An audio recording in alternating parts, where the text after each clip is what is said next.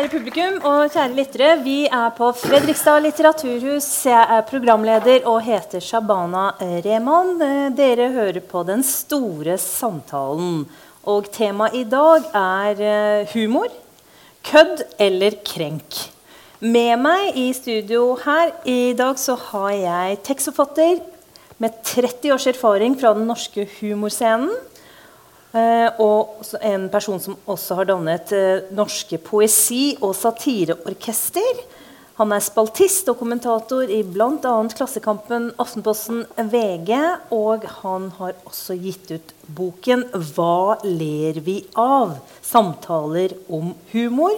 Hvor han har intervjuet en rekke av våre beste komikere. Dagfinn Nordbø.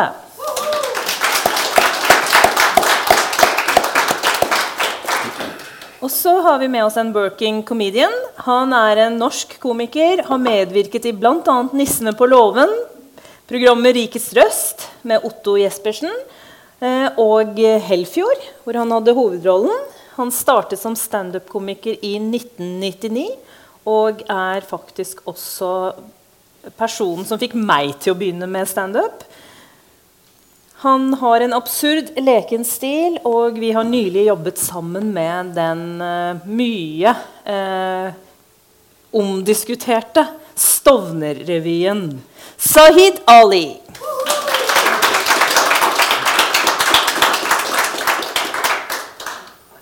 Dagfinn og Sahid, uh, vi, vi, er enige om mye, og vi har våre for helt forskjellige erfaringer og stil. Eh, dette her er jo ikke et debattprogram. Dette er den store samtalen om humor. Og min erfaring er jo at er, humor er ingen spøk. Eh, jeg har opplevd alt fra trusler til eh, stalkere til å få voldsalarm. Alle sånne ting som man egentlig ikke forbinder med humor. med, med komedie, egentlig. Eller kanskje gjør vi det. Har det blitt farligere å kødde? Blir folk lettere krenket?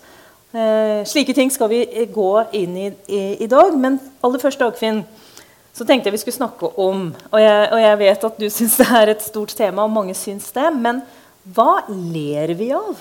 Ja, det var det. Um, det spørsmålet løp NRK ut på gaten da jeg skulle lansere denne boken her. Hva ler vi av? Så gikk NRK ut på gata i Oslo, og så stilte de spørsmål hva ler du av. Det var ingen som klarte å svare. Ingen klarte å svare på det spørsmålet. Så etter hvert så fant vi ut at jeg må få lage en bok om det. Den kommer da seinere i år. Men det er eh, en masse teorier. Alle psykologer, alle filosofer, veldig veldig mange prøver å finne ut hva er det folk ler av. Hvordan får du folk til å le? Uh, og da har de laget noe som heter humorteori. Jeg skal ta det på ett minutt. Uh, det er én teori som heter overlegenhetsteorien, og det betyr noen er dummere enn deg de ler du av. De oppfører seg som barn. Mr. Bean, Dum og dummere, Elling altså, Det ler du av. Det er nesten garantert. Så har du det med normbrudd og lettelse. det vil Si at når noen bryter en norm, f.eks. kler seg naken og maler seg med norske flagget, da, da syns jeg kanskje at noen Da begynner noen å le, men så blir også noen veldig sinte. Så normbrudd, det er risky, og derfor så ler du. Du ler kanskje litt av skrekk, men du ler uh, av det at normen blir brutt. Og så er det det samme med lettelse. altså det vil si, Når noen kommer og forteller en fæl vits, så blir du lettet over at noen andre er så stygg i, i, i sitt sinn som det du er. Og så ler du av den grunn. Men latteren er ikke avhengig av om man sparker oppover eller nedover, eller er den det? Eh, det kommer jo veldig an på hvem, hvem det er som uh, tar imot uh, denne humoren. Bare for å ta den aller siste, det handler om såkalt inkongruensteorien. Og det er noe passer ikke sammen. Ja, men da ler du. La oss si du går på Tinder-date, og så møter du opp i burka. Det passer veldig dårlig sammen. Sånn at hvis du på en måte tar hva som helst, og det kan være en tjukk mann og en tynn mann Det er nok. Helland og Halland, en av de største humorsuksessene i verden to ting som ikke passer sammen, det er oppskrift på humor. Så de tre tingene er slik lager du humor i utgangspunktet. Og derfra kan du jo gjøre så å si hva som helst. da. Og så blir jo folk krenket, og det skal vi jo snakke om etter hvert. Så det med oppover og nedover, det får vi vel ta etter hvert. Men uh, Det med å le av de som er dummere, da? Jo, men altså, Er det jo, men altså, det er jo ikke nødvendigvis sånn at de er dummere enn deg, men bare du tror det, og så blir du veldig selvgod, og så ler du av det. Du blir lurt, vet du. Ja, dum og dummere. ikke sant? Det er jo en film hvor to oppfører seg ganske patetisk. Mr. Bean han gjør ting som et barn ville gjøre, men han gjør det i en voksen kropp. Ikke sant? Han, gjør det, han bryter normen på en måte. Han er barn selv om han er voksen. Sant? Og Elling er litt av det samme, bare at det er mye mer litterært. da. Eh, det er litt av det samme det at eh, man har en naiv, barnslig måte å opptre på, umoden. Uh, ja. Er det klasseforskjeller på humor? Er det liksom sånn spennvidde fra, fra nettopp Mr. Bean til sylskarp, intelligent satire? Og, ikke sant? Er det, eller er det sånn noe som treffer bredt, og noe som er for et smalere Ja, altså Hvis du ser på det som Hollywood lager, og det som selger veldig mye, så er jo f.eks. Uh, de filmene som jeg nevnte, det er jo laget helt bevisst. fordi det, folk vet at dette ler. altså De vil ha en kassasuksess. Eh, ikke sant? Men det finnes jo også sikkert smalere filmer som, uh, som er utrolig mye bedre laget og morsommere, sånn som alle Woody Allens filmer. Jeg vet ikke om hans navn er lov å nevne, men altså, han, han skrev jo fantastiske manus. Sant? De manuskriptene er jo bare altså, Du kan bare sitte og lese dem og le deg i hjel. Sånn at uh, humor har så enormt mange ansikter, og det går sikkert an å snakke om at det finnes en for overklassen og en for, uh, for de andre klasser, men det vil kanskje ta litt lang tid. Man sier jo at standup har vært underklassens eh, form. da, ikke sant? Hvordan det, det oppsto. At det var de som var nederst, som skulle sparke oppover og svare tilbake. Det oppsto i USA. Ja, eh, det var vel opprinnelig en jødisk eh, form, rett og slett, som ble, kom med Lenny Bruce, f.eks., som var en av de første som, som drev med, med standup. Og det er klart Når du bare trenger en mikrofon, så kan du også være fattig og gjøre standup sjøl. Altså fordi eh, det krever ikke noe annet enn deg selv. Og sånn som Sahid Ali, bare gå bort, så er det en mikrofon, og så er det, er det komedie. Sant? Og det er jo noe veldig annet enn det Dag Frøland holdt på med, med 14 ballettdanserinne, En pels til en pels til en million, åttemannsorkester. Eh, sant? Jeg mener sånn, da, han, da Dag Frøland oppdaget standup, så, så sa han, til, sa han til Elina kanskje ja, jeg syns jo dette var litt stusslig. At det bare kommer en vaktmester og skrur på lyset, og så er det plutselig forestilling. så, så, ja. Så, Men, men det er jo altså norsk humorhistorie. Standupen kom ganske sent. Til Norge, ja. ikke sant? Så, så eh, hva, Er det revytradisjonen som har vært en stor del av norsk humorhistorie? I? Norge har revy- og chat noir-kulturen gjort veldig mye. Men altså for 100 år siden var jo altså Den første revyen i Norge var i 1848. eh, Ikke sant? Hvilke temaer er det man historisk har tatt opp? da? jo, altså, revy betyr egentlig det er det som skjedde i året som gikk. Ja. Revy. Rett og slett Det som skjedde i året som gikk. Så den første var en danske som gjorde Oslo. 1848. Men så ble det etter hvert en veldig populær form i Norge. Eh, det, var revyer som hadde 200 000 solgte billetter. Altså, og det er 100 år siden. Og langs hele Akerselva oppover i Oslo lå det massevis av gamle eh, sånne steder hvor, eh, hvor du kunne få deg en øl, og folk eh, opptrådte. Og, eh, så revyformen har vært kjempestor i Norge inntil for eh, 20 år siden, sånn cirka. Hvor den ikke er så framtredende da, i, hoved, i de store byene, i hvert fall. da. Ja, eh, tusen takk, Dagfinn. fordi det, var, det er for 20 år siden jeg ble kjent med standup-sjangeren. Og Sahid har allerede fortalt at du introduserte meg for det. Eh, jeg startet min karriere med at jeg så deg for første gang på standup-scenen og bare eh, mer enn altså En ting var latteren som, som, som traff meg, og, og at det kokte i salen, men det jeg tenkte, var nettopp det du sa, Dagfinn. At man kan komme rett fra ga- fra gata. Du trenger ikke å være en del av noen kulturelite eller gå Teaterhøgskolen. eller noe sånt. Det er deg, eh, det du har lyst til å si, og rett fra gata, opp på scenen og mikrofonen. Eh, Få folk til å le, vinn eller forsvinn.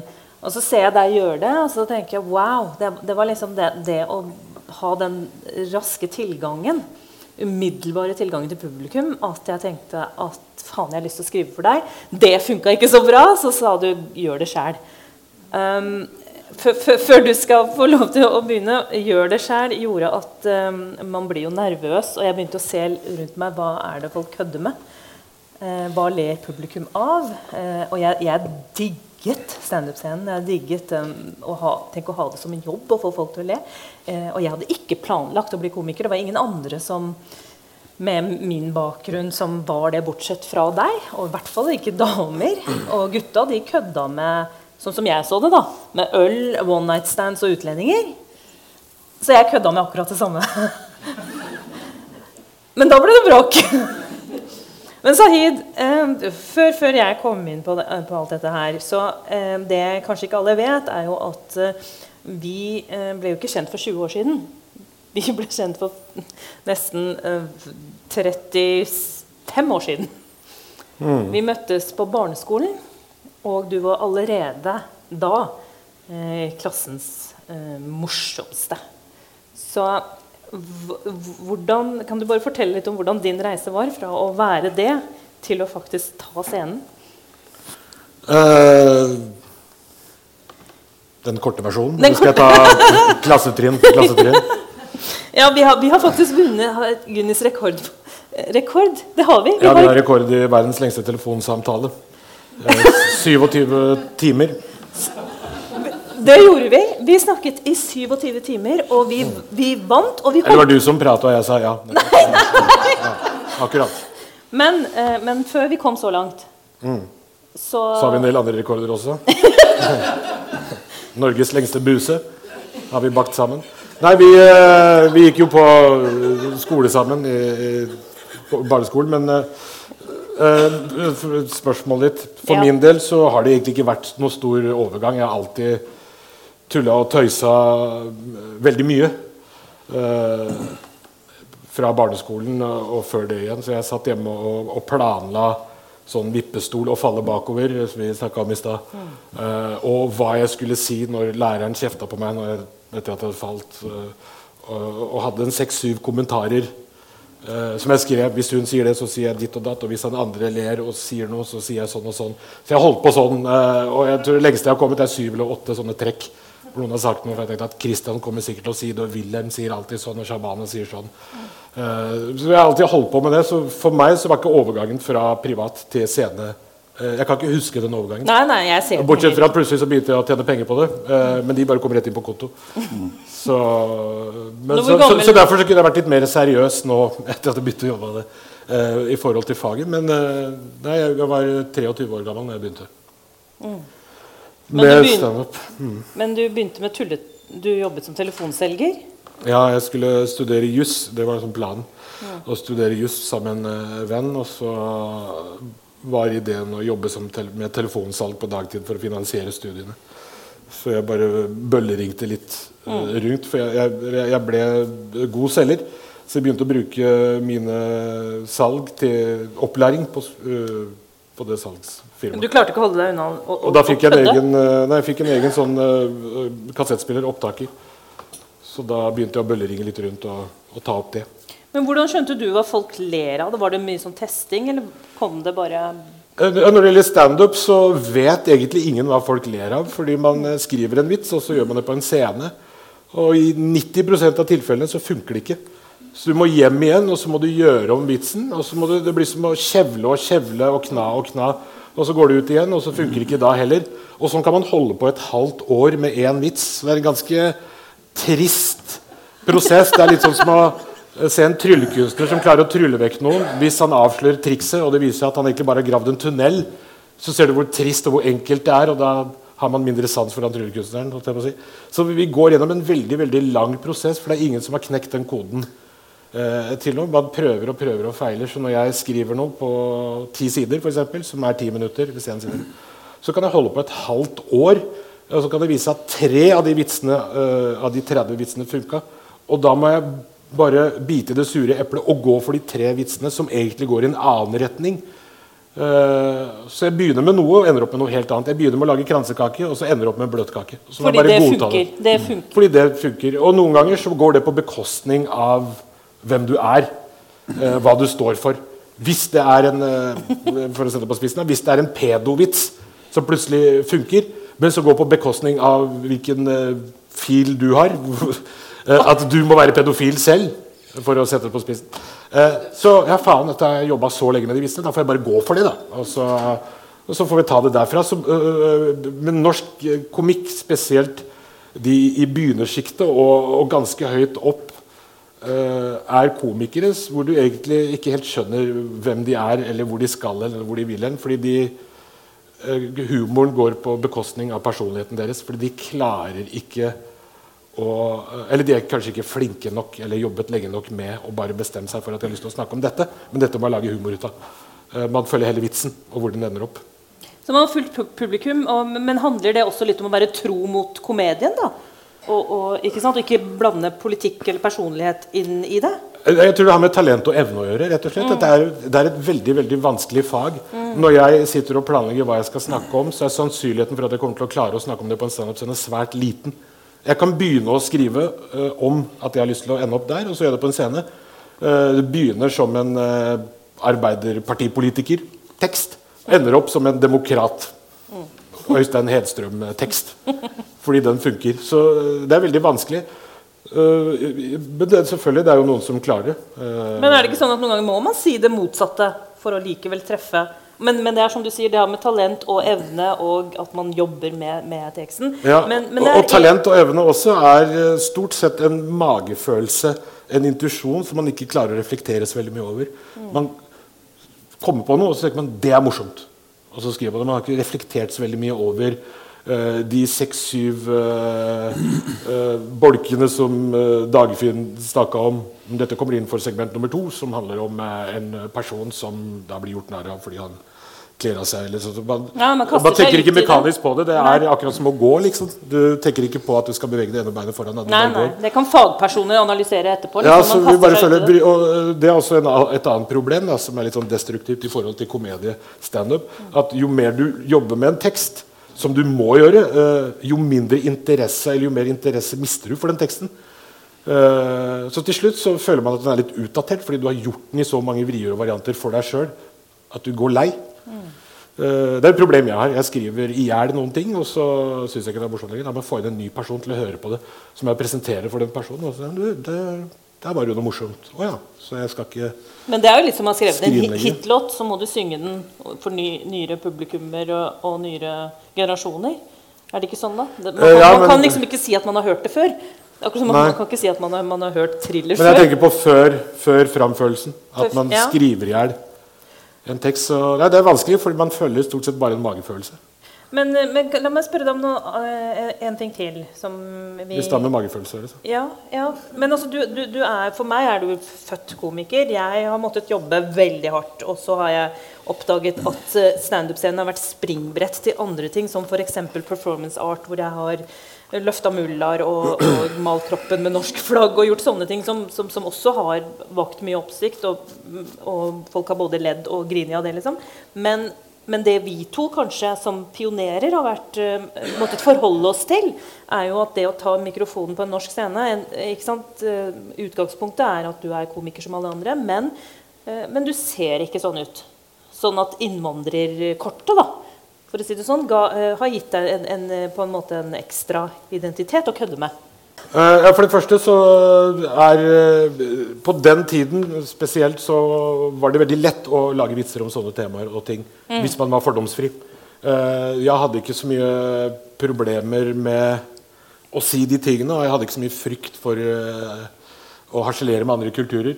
Eller religion. Eller religion til en viss grad. Jeg visste hvor grensa gikk. liksom. Jeg kunne ikke surre ting i bacon og sette fyr på dem. Men jeg kunne gå ganske langt. Jeg visste liksom akkurat hvor grensa gikk. Og det, eh, så for meg så var det ganske lett. Det var bare å si noe som, oi, som man ikke hadde hørt før. For det var ingen før meg som eh, Man var eh, vant til å se pakistanere eller muslimer på TV i debatt mot Carl I. Hagen. Diskutere midler til flere moskeer. Mm. ingen som smilte i det hele. Alle var bare, det var bare streng eh, Alle var strenge. Sure. eh, Eller Salman Rushdie, sataniske vers, liksom. Vil du drepe William Nygaard? Eh, ikke uten våpen. Altså, det, det var liksom Det var bare det det handla om. Og alle innvandrergjester, uansett om de hadde gitt ut en bok, eller hva det var, så begynte de med 'Støtter du Salman eller eh, Ayatollah Khomeini?' Det, var liksom innfallsvinkelen. Ja, det er det som var i offentligheten, folk, eh, hvor så- man møtte Ja. Problemet mitt var at uh, jeg eh, Jeg hadde egentlig lyst til å Jeg var ikke engasjert i de tingene i det hele tatt. Jeg kom rett fra videregående og gikk et år på folkeskole. Så jeg var også interessert i å bare snakke om uh, puling og, og drikke øl. Eh, men uh, folk som Dagfinn blant annet, og en del av mennesker sa at ikke gjør det. Ikke kast bort muligheten på det. Si noe fornuftig. Kom med noe. Du sa det, jeg har det på opptak. Eh, så, så jeg gjorde det. Så men, men jeg var ikke noe engasjert i det. Jeg var ikke noe engasjert i tematikken i det hele tatt. Og fortsatt veldig lite engasjert i det. ja, men det, jeg har respekt for Så for veldig mange av de TV-tingene som er gjort, har vært på bestilling. hvor Man har sagt at vi vil at du skal lage sånne øh, eh, parodier, lage humor på innvandrerrelaterte temaer.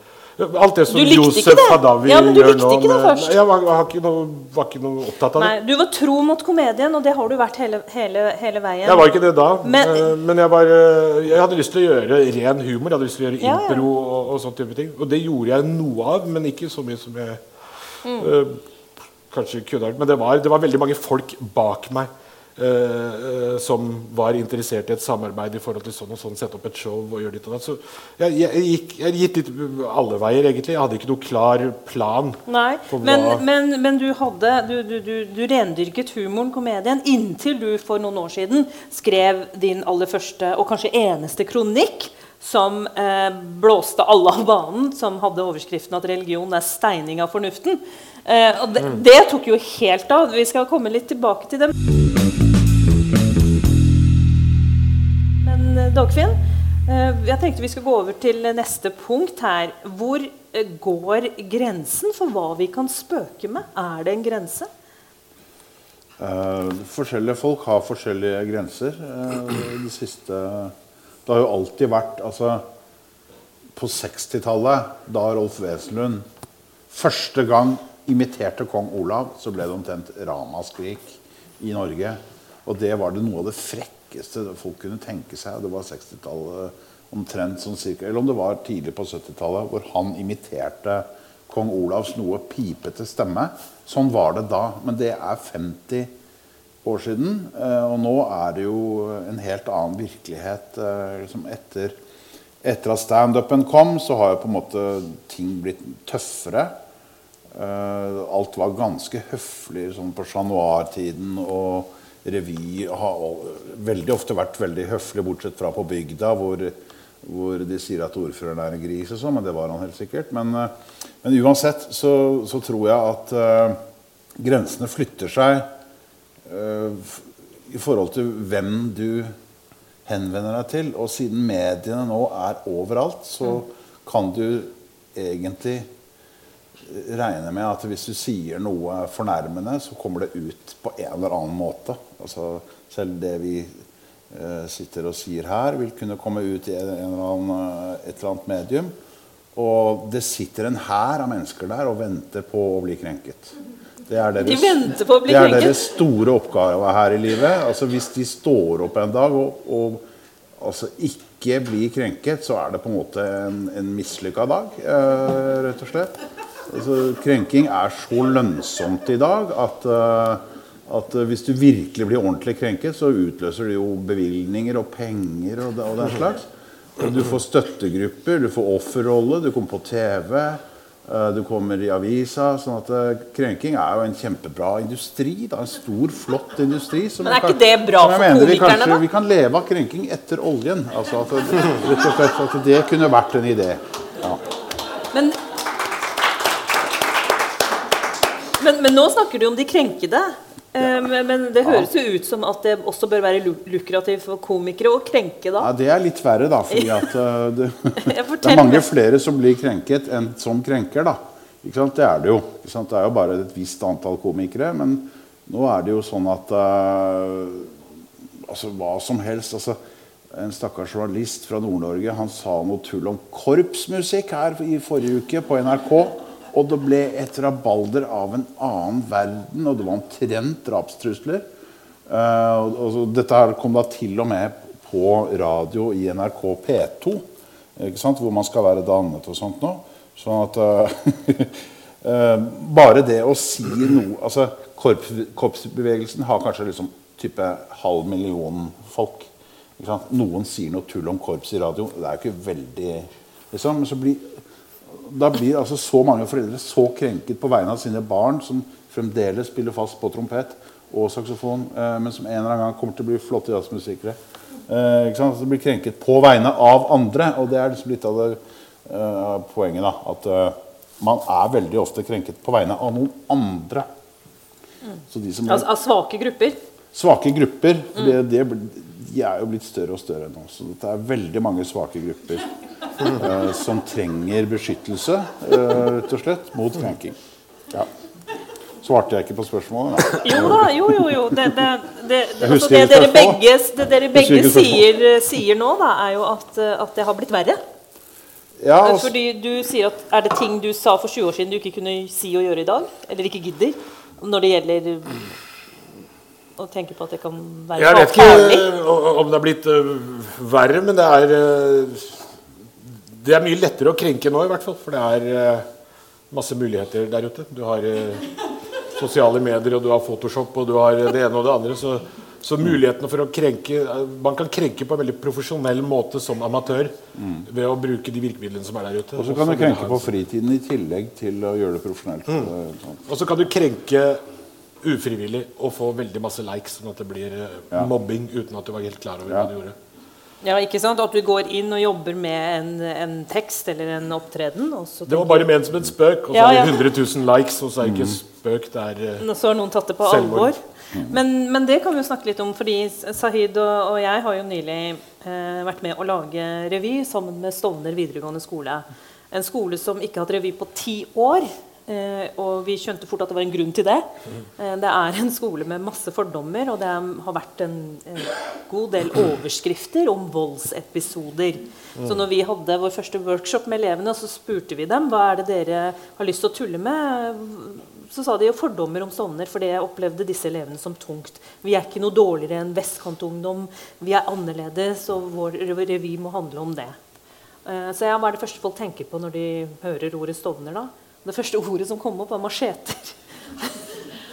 Og så vil, eh, tok de opp det med den politikerbussen som kom på befaring i Groruddalen for å se hvordan forholdene er der. Den Frp-bussen. Så Det var masse sånne ting de, de, de ville tulle med. Eh, og selvforsvarskurs for lærere. Og det var liksom ingen grense for hvor mange eh, alvorlige situasjoner det var. Eh, Sahid, du trodde ikke helt på at noen ville melde seg på revy på en skole med over 90 eh, Nei, jeg tenkte vi skulle leie inn skuespillere som gikk, utga seg for å være eh, Stovner-elever. Eh, voksne skuespillere fra forskjellige teatre. Så jeg hadde regna ut et budsjett på et par hundre tusen. Ja, ja. Kåre Konradi som eh, byggfagelev. Så, nei, Jeg var veldig usikker på om noen kom til å melde seg på i det hele tatt. For jeg gikk litt rundt i gangen og spurte folk om det var noe interesse for revy. Ja. Eh, Og da fikk jeg som svar at revy er ikke det sånn her nordmannopplegg? Er ikke det noe som nordmenn driver med? Mm. Og det er 97% innvandrere på den skolen. Ja, ja, det var jo eh, en Det stemmer, det. Det er faktisk noe nordmenn driver med. Men alle kulturer har jo humor, så jeg hadde trua på at ok, vi må bare finne talentene og, eh, og vise dem referanser osv. Så, videre. så dette skal vi klare. liksom. Eh, Selv om jeg også begynte å lure når vi spurte noen elever om et, eh, hvis Stovner skole skal sette opp revy, og så svarte eh, eleven 'i dag'.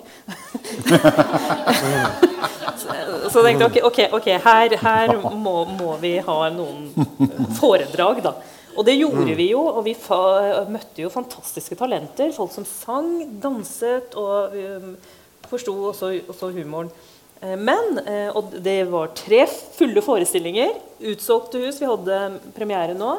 Eh, Og vi klarte å gjeninnføre revytradisjonen på en skole med så mange elever som ikke ante det. De fikk en plattform, mikrofonen, og jeg vet at flere av dem kommer vi til å se på norske scener igjen. Eh, Og alt gikk bra. Kongehuset til og med kom og var på premieren. Eh, Håkon og Mette-Marit. Og alt gikk fint. Det var vi tulla jo med, med alt. eh, Til og med om Norges farligste jobb, seksualundervisning på Stovner. Eh, og raseprofilering hos politiet tulla vi med. Og ikke minst løsningen på alle eh, problemer på Stovner. Fordi det er så mange mørkhudete der, så bestemte politikerne at det skal gis 1 milliard kroner til vitamin D. Som var da løsningen. En veldig uskyldig revy, vil jeg hevde.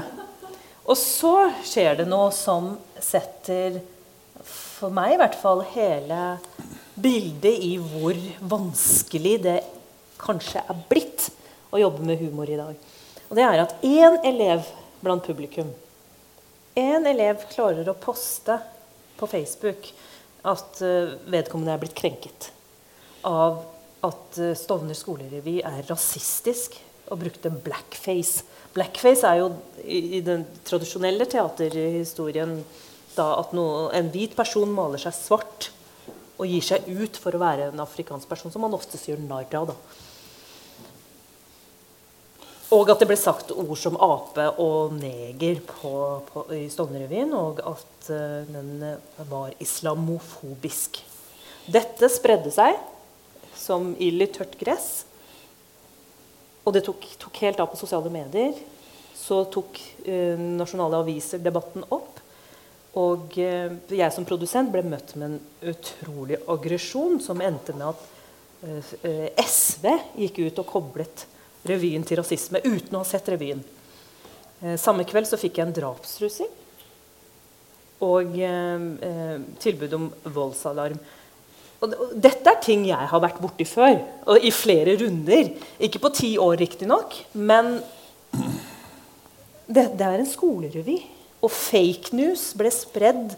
Dette minnet meg om når Mohammed-tegningene eh, i, i den debatten i Danmark Aftermath der viste at det var tre radikale imamer som hadde gått rundt i Midtøsten og sagt at eh, dansk presse hadde eh, tegnet Muhammed som gris. Noe som ikke hadde skjedd. Og det førte til eh, at flaggbrenning og folk døde, og det var trusler og det, det tok helt av. Det ble rett og slett utrolig farlig. Så fikk vi Charlie Hebdo. Ikke sant? Med at en hel satirisk magis, magasi, eh, eh, magasin ble, hvor folk ble drept. Eh, og da begynte jo komikere å tenke etter hvert, og satirikere på, på at ting har blitt farligere. Det multietniske, flerreligiøse, globaliserte samfunn må forholde seg til helt andre typer farer da. og utfordringer med komedien. Nå ble, ble det enda viktigere å kunne fortsette å tulle med ting uten å få huet kappet av, bokstavelig talt. Eh, men det vi ikke trodde, eller jeg ikke så komme, kanskje du gjorde det, at en skolerevy skulle utløse dette. Og debatten pågår fortsatt. Eh, hva tenker du, Sahid, om det som har skjedd? Godt spørsmål. Eh, nei, det jeg tenkte, var hva jeg tenker. Og det, jeg tenker egentlig det samme som jeg tenkte før jeg eh, kom inn på det prosjektet. Det var, vi snakket litt om det også. At, at hvem er målgruppen for den revyen?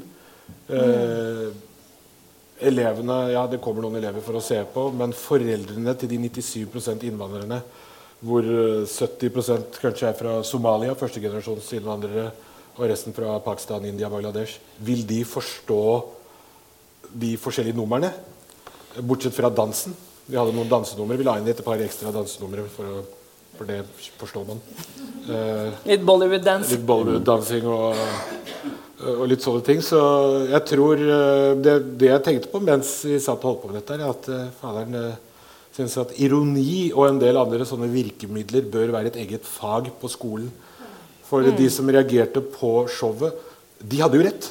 Det var jo ganske drøyt og rasistisk hvis man ikke forstår ironi.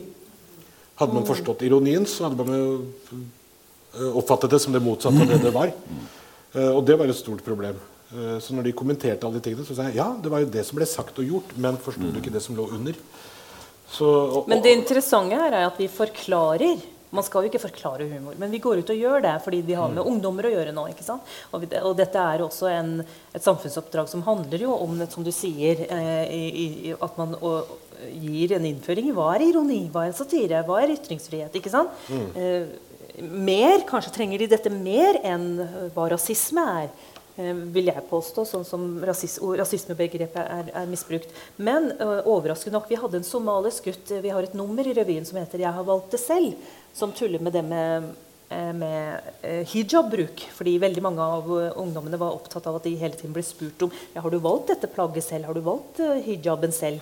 Så, så, tenkte vi la oss tulle litt med det, og der hvor, hadde vi en somalisk gutt med rosa hijab som går på scenen og synger, at jeg har valgt det selv. Et veldig sterkt nummer som egentlig ingen har reagert på ennå. Eh, og som for øvrig er plukket ut til å være med i Norgesmesterskapet i revy. Eh, men for, eh, for moren til denne gutten og småsøsknene hans var kjempestolte. Så det skjedde ting blant publikum som også flyttet grenser, med stolte foreldre. Foreldre som taklet den seksualundervisningssketsjen som taklet og lo med det. Altså, det Men jeg tror de også i utgangspunktet var veldig glad for å se at barna deres gjorde noe på en scene i det hele tatt. For det hadde de ikke noe erfaring med tidligere. Mm, utgangspunktet så var de veldig nazi på Hadde en ganske streng oppdragelse, veldig mange av dem. Det handla om å gå på skole, komme hjem og gjøre lekser og se lite TV, og så gå og legge seg. Så det å se at oi, hun kan synge, og jøss, han kan gå i spagaten At det, det går veldig, bra? Det var nytt for veldig mange av dem, og de syntes at det var en veldig kul ting. Ja. ting. Det å stå på en scene og snakke til en forsamling Uh, jo, uh, har, står jo stort uh, over hele verden. At de var stolte. Også var kongehuset der, og varaordføreren var der. Men, mm. men, den erfaringen mener jeg også er viktig, slik at også underholdning, kunst og kultur er noe som det åpnes for, og ikke bare som juss og legevitenskap og ikke sant, de der Ali-fagene. Mm. Så, så, så, så, jeg mener jo at det likevel skjedde veldig mye bra ting, og grenser ble flyttet. men at det også skulle bli farlig. Eh, jeg er jo på, nå bekymret for at det ikke blir revy til neste år pga. den uh, aggresjonen som er i den offentlige debatten nå. Uh, og det må ikke skje.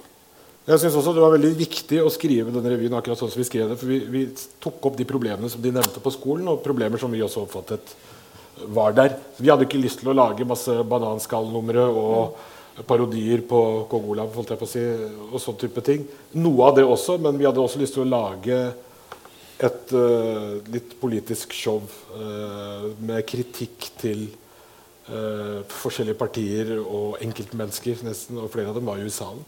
Mm. vi hadde lyst til å lage noe, et show med litt mål og mening til ettertanke, og det ble det jo.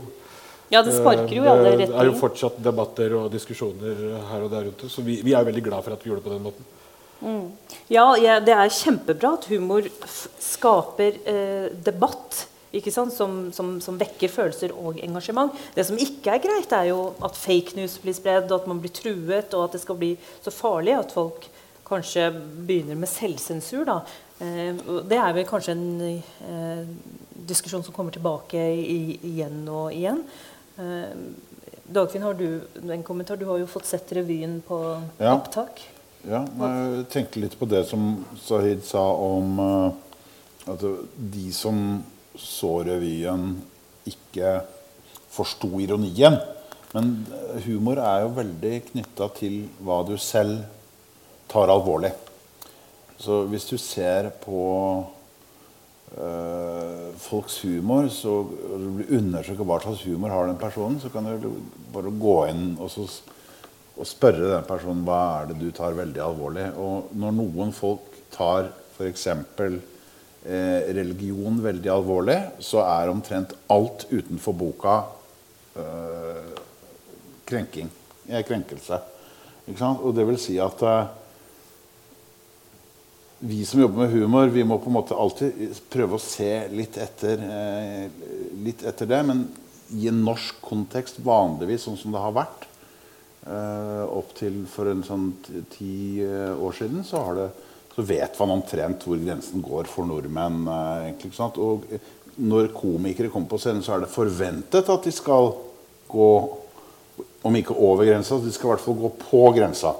Hvis de ikke nærmer seg grensa i det hele tatt, ja, men da var det egentlig litt kjedelig. ikke sant? Ja, men Vi har jo imi imitatorer, ja. som er, har vært den store ja. suksessen i Norge. Ja, ja, det er sånn imitering var, og det, det har begynner visstnok å komme tilbake igjen litt nå. da. Men jeg tror man All humor handler om hva du selv syns er alvorlig. Så hvis du skal analysere humoren til uh, eh, f.eks. noen som er veldig fundamentalistisk kristne eller uh, eller uh, muslimske, så vil det komme lenger med den kristne. fordi i den kristne kulturen så har vi krenket inn, i hundrevis av år i, etter opplysningstida med alt som hadde da med ytringsfriheten å gjøre. I Europa så har det vært en tradisjon. Men innenfor eh, Men det som jeg ser på som skummelt nå, er det at det, de de strømningene som sier at nei, du får ikke lov å tulle med Mohammed altså, Senest i dag så fikk jeg ble tilsendt en sak fra The Guardian hvor, hvor noen uh, muslimske gjester på Saatchi Gallery i London hadde klaget på kunstutstillingen. Uh, som da medførte at kunstneren dekket til to av kunstverkene. Og, men Galleriet gjorde det? Galleristen eh, mm. Nei. altså Eller? Galleristen sa nei, vi fjerner ikke noen malerier her. Og så kom kunstnerne med forslag. Ok, vi dekker det til. Og hele greia var, da, det var den islamske trosbekjennelsen.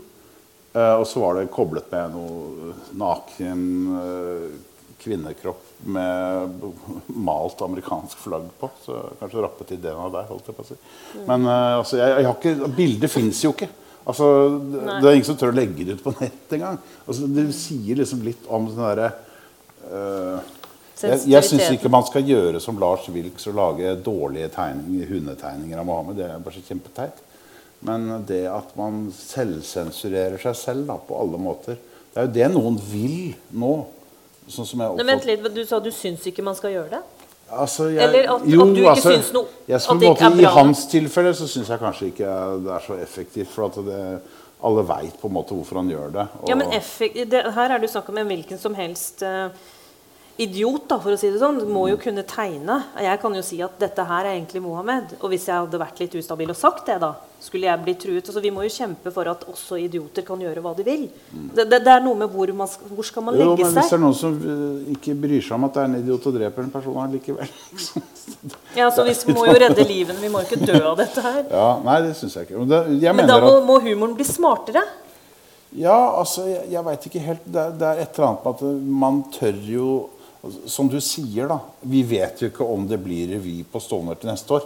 Det er jo egentlig et uttrykk for at uh, en slags selvsensur. Mm. Eh, ikke sant? Ja, men tør vi det, da? Vi har fått drapstrusler sånn og sånn. og sånn. Egentlig har jo revyen fått jævla mye PR, på, altså, hvis man skal se den positive biten av det. da. Bortsett fra at det skjedde på en veldig rar uh, Noen måtte og, betale prisen, men veldig mange vil se ja. den. Men jeg kommer ikke til å akseptere at det ikke blir satt, satt opp revy til neste Nei, år. Det, jeg kommer det absolutt ikke. Men, ikke på, sånn, men, ja. men, det som er, er, kanskje alvorlig, er at kanskje til neste år så skjer det du sa, Sahid, at vi må leie inn skuespillere. Som vi trodde ville skje i år. Det holder med så du så det komme, du. Det holder med livvakter. Jeg tror det. Ja, Heldigvis så meldte kongehuset to dager før premieren at de kommer. For vi vurderte jo sikkerhet. De kommer til neste år òg? Ja, vi vurderte sikkerhet. Men da kom kongehuset med full pakke. Så, eh, men greia er at de 800 som har sett revyen, de lo. Eh, om ikke alle skjønte det eller ikke. Og her kommer vi til avslutningen med at folk har sterke følelser om ting de ikke har sett. Og debatterer det så heftig. Ingen hadde lest satanske vers heller, men man løper jo i tog. ikke sant? Og så forlangte at uh, Rushdie skulle dø. De hadde ikke lest boka.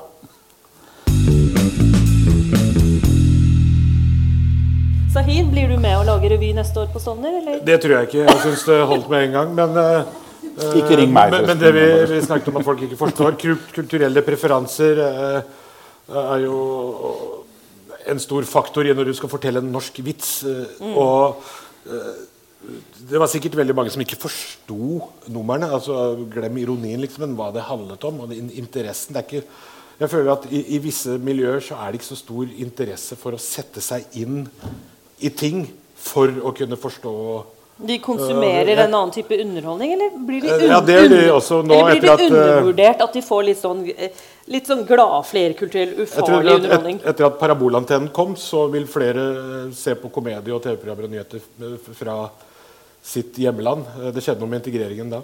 Mm. Men, så hvor, som er sterkt sensurert? Ikke nødvendigvis, men det er på det språket som de snakker, og de forstår alle kulturelle preferansene. Men eh, der er jo komikerne veldig flinke til å røre ut grøten. De snakker om geiter og sauer, men det handler egentlig om presidenten og kona hans. Eh, så, så der har de den teknikken inne. Men det jeg skulle si, var eh, Jeg opplever det veldig ofte siden jeg har lagd så mange TV-innslag og hatt noen TV-programmer. Jeg hadde en serie som het Jul i Tøyengata, som var parodi på Jul i Skomakergata med Henki Kolstad. Og han ble krenket, selvfølgelig. Eh, før serien ble vist, så fikk jeg et slags trussel uh, av uh, Henki. Eh, Nei. ja, eh, som jeg har liggende på loftet. Jeg forsto ikke helt. Jeg tror han var veldig sur. For teksten gikk ut av arket og inn, og, og, og så var det hull der han skulle sette punktum. Men jeg ringte han da, og så sendte han noen blomster og sa at det ikke det det handler om. Det handler ikke om deg. Det er bare et konsept for å tjene penger og lage noe morsomt. Men eh, jeg var på Grønland Tøyen eh, en dag, og da kom det en pakistansk mann bort til meg og så sa han at eh, du, jeg så på den serien din Jul i Tøyengata. Eh, og jeg har sett et par episoder, og så valgte jeg ikke se mer. Jeg bare syns at det er veldig rart at du portretterer pakistanere som skomakere. Eh, skomakere er jo lavkastet i Pakistan. Og nå er det jo veldig mange mennesker her i Norge spesielt som utdanner seg til å bli leger, advokater, og vi har til og med folk på Stortinget. Hvorfor kan du ikke de neste episodene gjøre noe med det? Få inn disse folkene. Advokat. Ja, advokat. altså, jul hos uh, Jon Christian Elden. Ja, ja. Så sa jeg at eh, ja, men det er en parodi på Men pap, pap. jeg var ikke interessert i å høre mer. Det var liksom Ta det til deg. Så, Ja vel, da får jeg gjøre det. Eh, Så det er litt vanskelig å diskutere med veldig mange mm. folk. Men det betyr jo at, eh, at vi Skal vi bry oss om publikum, eller skal man bare fortsette å være kom kompromissløs? Hvis publikum ikke bryr seg om deg, så trenger man ikke Så er du ferdig? Men det vil alltid være en 10% som ikke liker humoren din, uansett om de forstår det Ja, eller det, ikke. det, det som er synd, er at en bitte, bitte, bitte, bitte liten gruppe terroriserer en veldig stor gruppe. For dette, dette initiativet til å uh, kritisere denne revyen kom fra en veldig liten og veldig fundamentalistisk gruppe. Som da klarte rett og slett bare å få ringene til å gå i vannet. Jeg tror at de aller, aller, aller fleste andre ga holdt på å si faen meg fett på. Men du, vi har eh, rundet timen, vi. Vi kunne fortsettet å prate. Vi kommer i hvert fall til å jobbe mer med humor på et, en eller annen måte. eh, selv om ikke alle havner på Stovner. Nei? Eh, men tusen, tusen takk til Dagfinn Nordbø og Sahid Ali. Og tusen takk til alle dere som møtte opp her på eh, Fredrikstad litteraturhus. Og takk til alle dere som eh, lyttet.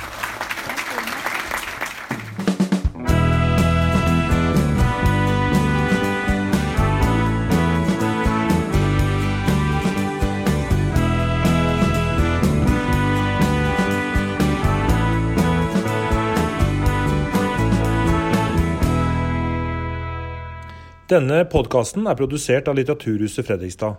Våre solide støttespillere er Kulturdepartementet, Fredrikstad kommune, Østfold fylkeskommune, Fritt Ord, Freisborg Eiendom, Fredrikstad Energi, Verksted, Bergesen-stiftelsen og Handelsbanken.